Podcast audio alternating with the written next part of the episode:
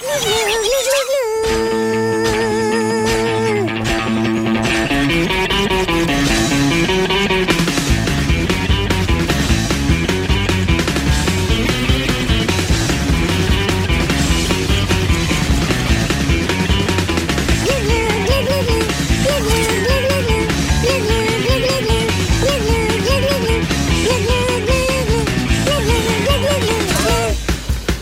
E hoxe imos a chegarnos ao mundo dos otakus Algo que comentamos un poquinho a semana pasada ao dar conta pois, da, da celebración de Espotaku na cidade da Coruña e que agora retomamos dende a perspectiva de alguén que sigue moi de preto este tipo de, de eventos e ademais da conta do que ali pasa a través de plataformas como Youtube. Falamos de Laura Varela. Boas tardes.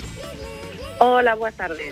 Ti és a responsable de, de Zona Otaku, dunha canle de Youtube na que contas moitas cousiñas deste mundo friki que damos a o ao mundo dos otakus. Podíanos explicar así brevemente que é un otaku?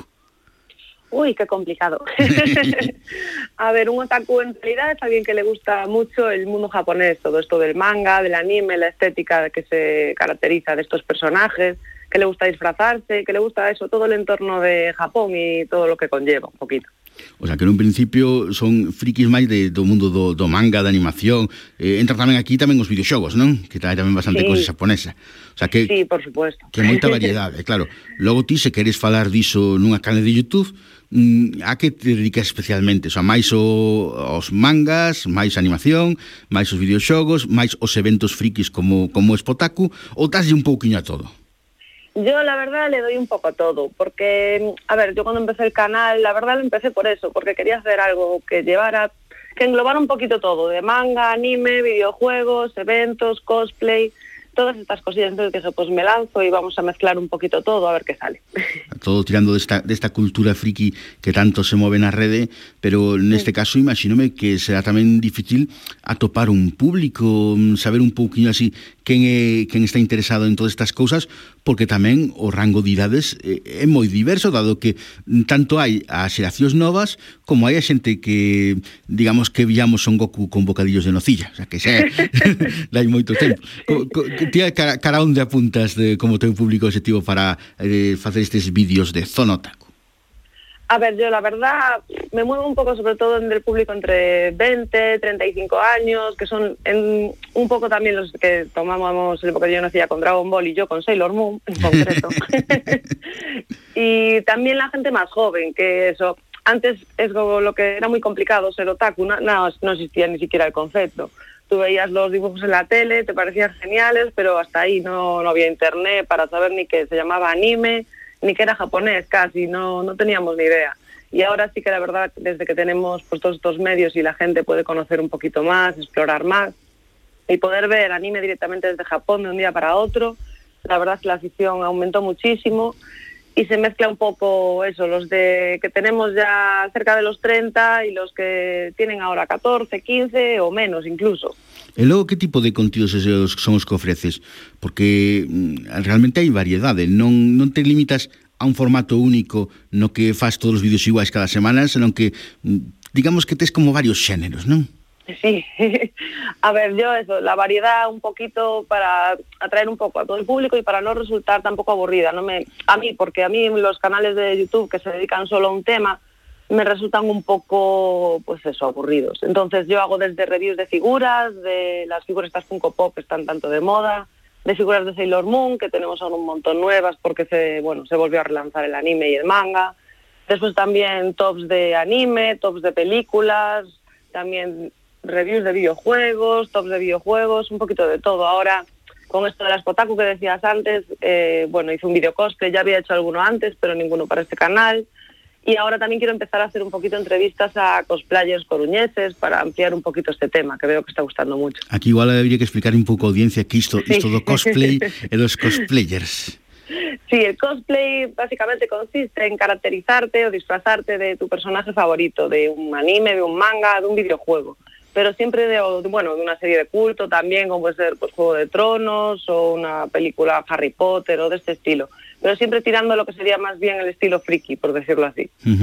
Sea, que hai xente que vai caracterizada e ti estás facendo vídeos no que cubres pois nos eventos como vai a xente para ver esa, esas pintiñas, esos traballos tan espectaculares que, que se curra algún, porque a verdade é que son traballos horas e horas facendo sí. armaduras, eh, sí, cosendo e de todo. Sí, sí, sí. Mucho trabajo, mucho dinero, porque pasa que no, pero cuando tienes que hacer eh, eso, un disfraz desde cero y que tenga que parecer una armadura cuando no lleva nada de metal, es un trabajo súper laborioso, les lleva muchísimas horas.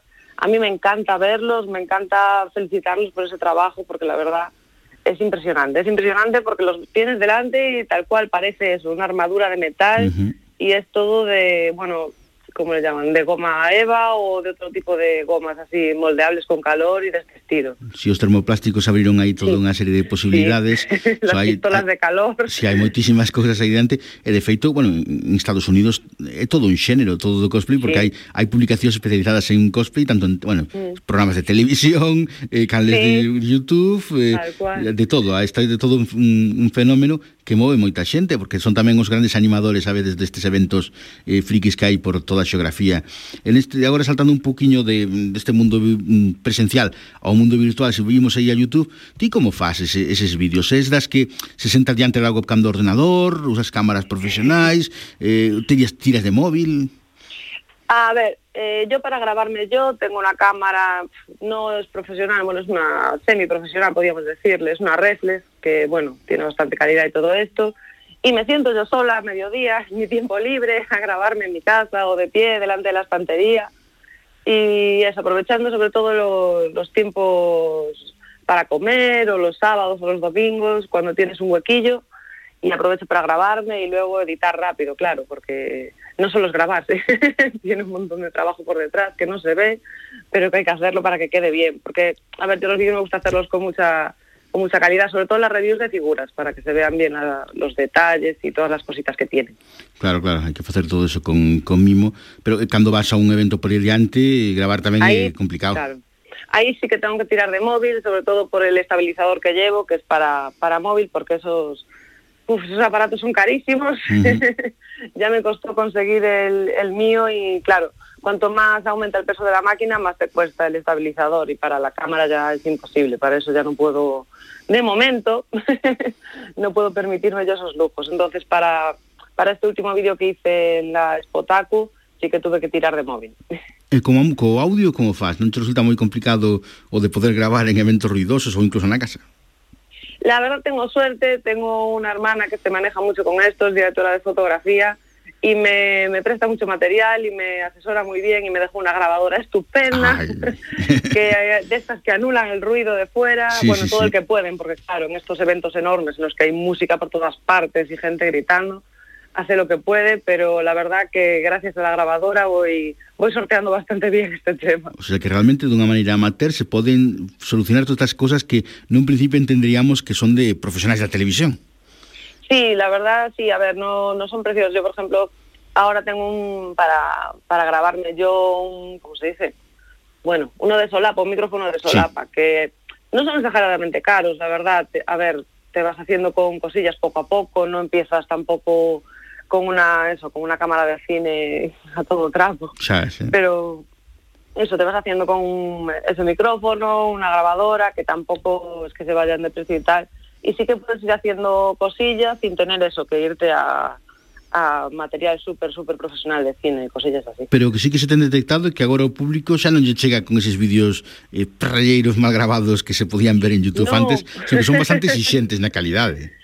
Sí, ahora la gente exige más y la verdad, eh, bueno, la verdad te felicitan bastante cuando haces un vídeo bueno y se valora mucho. Yo eso lo aprecio, que valoren mucho que te, que te lo ocurras y que te lo trabajas, porque sí que es verdad que también antes las cámaras que había, ni con el móvil, ni o tenías una cámara súper profesional, o los móviles que teníamos tampoco hacían grandes vídeos y la gente hacía un poco lo que podía.